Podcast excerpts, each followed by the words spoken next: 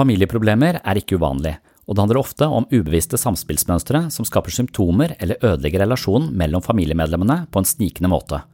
Noen familier snakker aldri om følelser, noe som fører til store psykiske spenninger innad i familiesystemet. I noen familier er det dårlig kommunikasjon mellom foreldrene, hvorpå mor eller far vender seg til barnet for å snakke om sine problemer, og barnet får et voksenansvar som kan forstyrre deres egen emosjonelle utvikling. I noen familier utvikler barna symptomer som et ubevisst forsøk på å kanalisere foreldrenes oppmerksomhet mot seg selv for å unngå at de krangler eller har problemer seg imellom. Andre familier har en nevrotisk struktur hvor man forsøker å holde sterke følelser på avstand og holde husstanden så pertentlig og ryddig som mulig. Noen familier har en syndebukk som bærer familiens problemer på sine skuldre, noe som fritar resten av familien for ansvar og tilslører deres bidrag til familiens vanskeligheter. Familien er et eget psykologisk system med sine helt spesielle dynamikker. Vil du vite mer om familiepsykologi, har jeg konsentrert meg om dette i ti episoder på min podkast Sinnsyn.